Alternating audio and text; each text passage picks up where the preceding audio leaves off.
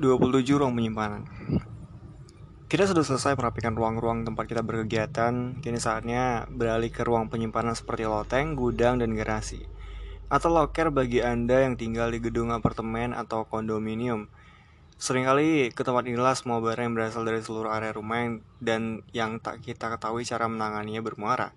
Namun, hanya karena tak terlihat bukan berarti barang dan area-area ini tidak ada.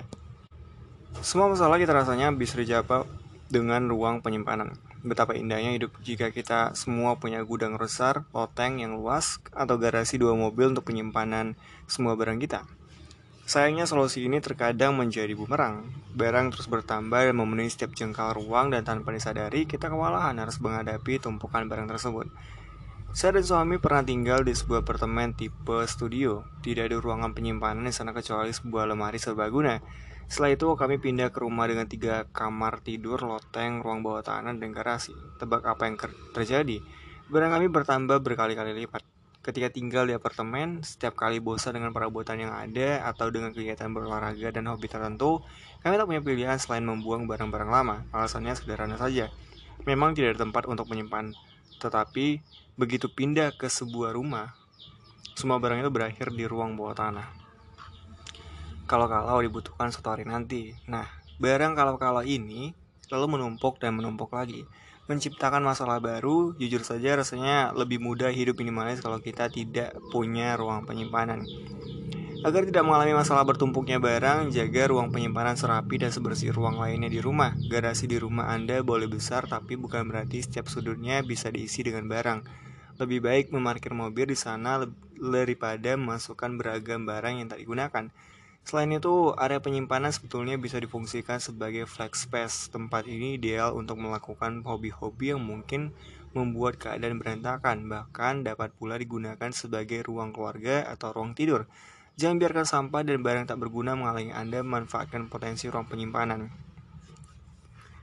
Untuk merapikan ruang penyimpanan, ada dua pendekatan mulai dari awal yang bisa dipakai, yaitu sedikit demi sedikit atau sekaligus semuanya. Jika Anda merasa ambisius, serang luangkan waktu sepanjang akhir pekan untuk membereskan ruangan jenis ini dan kosongkan isi gudang, loteng, atau garasi. Simpan semua barang di halaman atau jalan depan rumah. Barang-barang yang berada di tempat yang minim pencahayaan kerap kali luput dari perhatian kita. Jadi letakkan semua barang di tempat terbuka untuk dilihat satu persatu. Kadang tindakan mengeluarkan satu barang dari rumah sudah cukup untuk membantu mengatasi keinginan mempertahankan barang itu. Anda tiba-tiba akan merasa sangat konyol kalau masih menyimpan koleksi baseball atau sepeda rusak yang sudah bertahun-tahun tidak dikendarai. Untuk mendapatkan hasil terbaik, libatkan semua anggota keluarga. Jadikan ini kegiatan bersama yang seru. Mainkan musik, mainkan musik, sajikan cemilan, dan ciptakan suasana menyenangkan agar hal ini bisa dinikmati dan bukan terasa seperti beban. Supaya lebih seru lagi, berencana-rencana untuk ruang baru yang akan Anda punya. Anak remaja Anda mungkin akan bersemangat turun tangan jika ia tahu akan ada ruang home theater atau tempat untuk berkelompok musiknya berlatih kelak. Jika berbenah, besar-besaran terasa berat mulailah satu persatu. Kotak per kotak, sebuah tugas berat akan menjadi ringan jika dikerjakan sedikit demi sedikit. Agar kemajuannya terlihat, buatlah jadwal agar teratur. Misalnya, buat target membongkar satu kotak setiap hari atau setiap pekan. Pindahkan kotak yang dipilih dari gudang dan simpan di ruangan lain. Kemudian periksa isinya saat kita mencabut sesuatu dari lingkungan yang lama. Kecil kemungkinan kita akan mengembalikan kotak itu ke tempat sebelumnya. Tanpa terburu-buru, periksa setiap barang dengan teliti. Berikan waktu untuk memindai foto, dokumen, atau kenangan lain sebelum merapikan dan membuangnya. Selain itu, jika Anda menyewa atau unit penyimpanan, gudang atau ruangan yang letaknya terpisah dari rumah Anda, segera tutup dan singkirkan tempat itu. Karena itu sama saja Anda menyewa rumah untuk barang-barang yang bahkan tidak terlalu Anda sukai, sehingga harus berada di tempat terpisah. Coba renungkan pertanyaan berikut. Bisakah Anda mendata si barang di unit penyimpanan itu di luar kepala? Jika tidak, benarkah Anda membutuhkan barang-barang yang tak Anda ketahui wujudnya? Kapan barang-barang itu terakhir kali digunakan? Apakah layak mengeluarkan uang untuk menyimpan barang yang tadi pakai? Jika Anda tidak ingin menyimpannya di rumah, mengapa harus mempertahankannya? Dalam situasi seperti ini, Anda mungkin akan menyadari bahwa jalan terbaik untuk tahap mulai dari awal adalah memutus sewa untuk selamanya. Rapikan. Ketika memilah barang untuk kategori buang, simpan, dan berikan, ikutlah peraturan sederhana. Buang barang yang tak pernah dipakai dalam setahun terakhir, periode setahun sudah cukup menjadi kriteria mempertimbangkan dekorasi hari raya, peralatan musiman seperti kolam karet dan cangkul salju, serta peralatan olahraga yang hanya digunakan pada musim-musim tertentu seperti sarung tangan baseball dan sepatu hoki. Nah, jika tidak pernah berolahraga ski, menggunakan peralatan berkemah atau memasang dekorasi hari raya selama setahun bahkan beberapa tahun terakhir, sudah waktunya Anda bertanya kepada diri sendiri, mengapa masih menyimpan barang-barang itu? Mengingat area-area penyimpanan biasanya menampung banyak sekali barang rusak, kemungkinan besar kita akan bertemu dengan barang untuk kategori buang.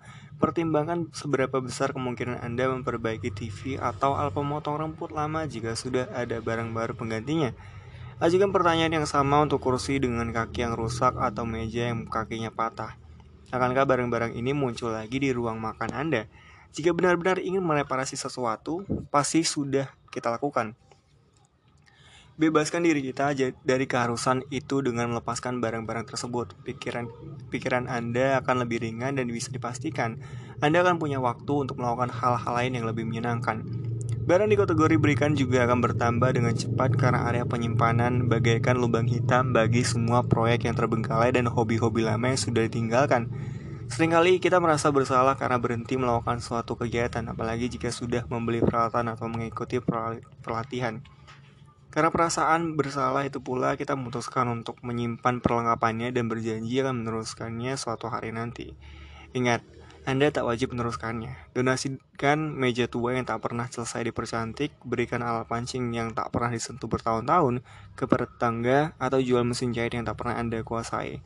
Izinkan diri Anda menatap ke depan dan rasakan betapa bebasnya Anda. Tanpa barang-barang yang memberatkan langkah Anda ini, Anda akan memiliki energi dan semangat untuk menjalani minat-minat baru. Hal sama berlaku untuk perabot. Setiap kali mendekorasi ulang, kita sering kali menemukan barang-barang yang, yang tak lagi cocok dengan gaya dekorasi baru. Namun bukannya membuang barang itu, kita justru menyimpannya di gudang atau garasi. Jika tidak digunakan untuk duduk, makan, bekerja, atau tidur untuk apa, semua perabot itu masih disimpan. Barang-barang bayi adalah barang yang secara khusus sering disimpan sehingga entah sampai kapan. Satu-satunya alasan menyimpan tempat tidur bayi, kursi tinggi, dan pagar bermain adalah jika Anda menantikan anak kedua, ketiga, dan seterusnya. Tak perlu menyimpan kereta bais berusia 15 tahun hanya karena barang itu mengingatkan Anda akan tahun-tahun menggemaskan seorang anak yang kini telah remaja. Barang itu tidak bisa memutarbalikkan waktu. Berikanlah pada orang yang membutuhkan daripada biarkan mengumpul, mengumpulkan debu. Izinkan barang-barang itu membantu keluarga muda yang belum mapan. Selain itu, jangan jadikan loteng, gudang, atau garasi sebagai museum masa lalu kita. Pandang setiap buku tahunan, piala perenang, segaram, segaram, seragam tim sekolah, jubah kelulusan dan kenang-kenangan lain dengan kritis. Kecuali Anda memang berencana mengenakan lagi seragam cheerleaders atau bola hebat kalau bisa. Bebaskan diri dari barang-barang ini, pikirkan yang sama yang harus diterapkan pada segala macam barang peninggalan. Jika tak cukup istimewa untuk diletakkan dalam rumah, barangkali memang nilai istimewanya sangatlah rendah. Terakhir, sambil mengumpulkan barang yang Anda simpan, ingatlah hal ini. Seindah apa pun ruang penyimpanan kita, ruang-ruang ini biasanya tidak akan sebersih atau, atau memiliki suhu sebaik ruangan lainnya. Debu, kotoran, jamur, serangga, atau binatang lain yang bisa merusak barang-barang kita sering berjalannya seiring berjalannya waktu.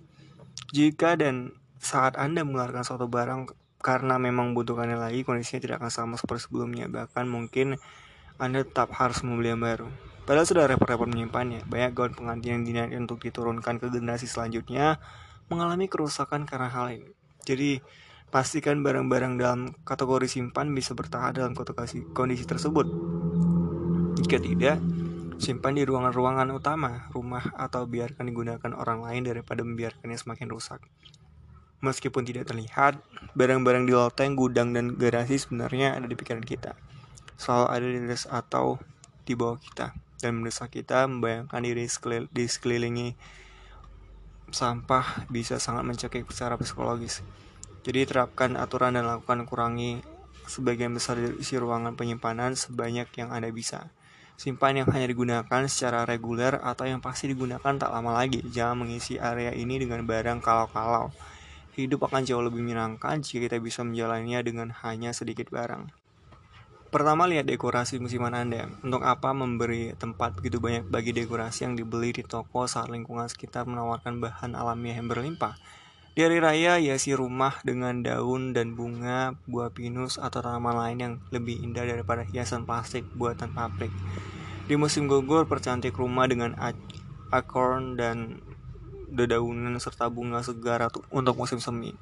Ganti pernak-pernik pasaran untuk dengan kerikil, ranting, dan buah-buahan untuk memberikan tekstur dan warna pada rumah Anda. Mendekorasi menggunakan alam akan memberi kesan segar dalam arti sebenarnya, dan yang lebih penting lagi, tak ada yang disimpan. Kedua, jalani olahraga dan hobi yang membutuhkan sedikit perlengkapan. Sepak bola atau tenis lebih praktis dalam hal peralatan daripada hoki dan rugby. Sementara yoga, karate, dan dansa bahkan tidak membutuhkan apa-apa.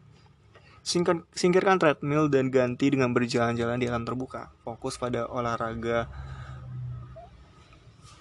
kalistenik, bukan olahraga menggunakan mesin. Hobi pun sama, kerajinan kayu, keramik, atau besi memang mengasyikkan, tapi ketiga hal ini membutuhkan banyak sekali peralatan dan perlengkapan. Mempelajari bahasa baru, menulis puisi, atau menggambar sketsa bisa membawa kepuasan yang sama tanpa mendatangkan terlalu banyak barang. Terakhir, jadilah peminjam. Jika Anda hanya bermain skating sesekali, lebih baik menyewa sepatu luncur daripada membelinya. Jika Anda hanya menggunakan alat cuci khusus sekali setahun, sewalah dari pusat renovasi rumah. Apabila Anda butuh alat berlistrik sekali waktu, pinjamlah dari tetangga. Atau bergabunglah dengan semacam perkumpulan pemilik perkakas untuk mendapatkan akses ke berbagai peralatan rumah dan kebun. Lebih jauh lagi, jika Anda jarang menggunakan mobil, jual saja dan sewa mobil ketika membutuhkan. Tak hanya hemat biaya, ruang di garasi yang Anda miliki kini bisa digunakan untuk hal-hal lain. Simpan. Di ruang penyimpanan sama seperti di ruangan lain di rumah, Sangat penting bahwa setiap barang yang memiliki dan tetap berada di tempatnya masing-masing. Tumpukan barang acak bisa menelan ruang yang kita miliki dengan sangat cepat. Lawan godaan untuk melempar begitu saja barang ke, guda, ke sudut ruangan atau menaruhnya ke rak terdekat. Karena itulah yang akan menyebabkan kekacauan besar yang akan menarik lebih banyak lagi kesemrawutan. Anda mungkin, Anda mungkin berasumsi semua hal di ruangan ini otomatis berada di kategori deep storage, tapi sebetulnya tidak juga. Di gudang dan garasi pun ada barang-barang yang kita gunakan secara teratur. Jadi kita harus tetap mengatur barang sesuai dengan frekuensi penggunaan. Semakin sering digunakan, barang itu harus semakin mudah diraih. Untuk inersi lokal, simpan barang-barang yang dipakai secara reguler, seperti perlengkapan membersihkan ruangan, berkebun, perbaikan rumah, dan peralatan otomotif di rak dan gantungan yang paling mudah dijangkau. Inner circle bisa diumpamakan sebagai ruang aktif tempat yang semu tempat semua peralatan dan perlengkapan penting berada, bahkan mungkin juga menjadi area kerja agar dapat melakukan kegiatan sehari-hari. Outer circle adalah ruang penyimpanan utama untuk menampung barang yang hanya digunakan setahun sekali atau pada musim-musim tertentu. Di sinilah tempat dekorasi hari raya, barang cadangan yang akan habis setelah dipakai, dan perlengkapan serta peralatan olahraga yang sedang tidak digunakan. Penyemprotan salju dan peralatan ski disimpan di area ini pada musim panas atau sebaliknya. Penyiram rumput dan alam berkemah pada musim dingin terakhir deep storage diusulkan bagi barang-barang kemungkinan besar tidak akan Anda lihat lagi, namun karena suatu alasan harus Anda simpan. Barang-barang dalam kategori ini seharusnya sedikit, bahkan saya hanya bisa menyebutkan barang-barang persediaan yang bisa disimpan tanpa habis dan dokumen keuangan atau hukum penting. Yang penting jangan gunakan deep storage sebagai tempat menyembunyikan barang-barang seperti barang peninggalan yang tidak ingin Anda hadapi. Mengingat area penyimpanan di suatu rumah biasanya menampung beragam barang dari pendingin hingga kayak, dari sapu rumput hingga sepatu roda, metode ruang menjadi satu-satunya ter cara terbaik untuk menata barang-barang itu. Kumpulkan barang sejenis dari ukuran terbesar hingga terkecil, kumpulkan pula segala macam cangkul dan sapu, berbagai mur, bau, serta obeng berdasarkan ukuran dan jenis. Bagi orang yang mem memang suka berbenah, kegiatan ini seperti mimpi. Coba beri kabel, beri label yang spesifik, alat rumah saja mungkin tidak cukup. Namun harus dirinci menjadi peralatan ledeng, listrik, kayu, cat, dan perawatan luar rumah. Dekorasi pun perlu dipisahkan menurut tipe perayaan atau musim sehingga anda tidak perlu membongkar bola-bola Natal misalnya.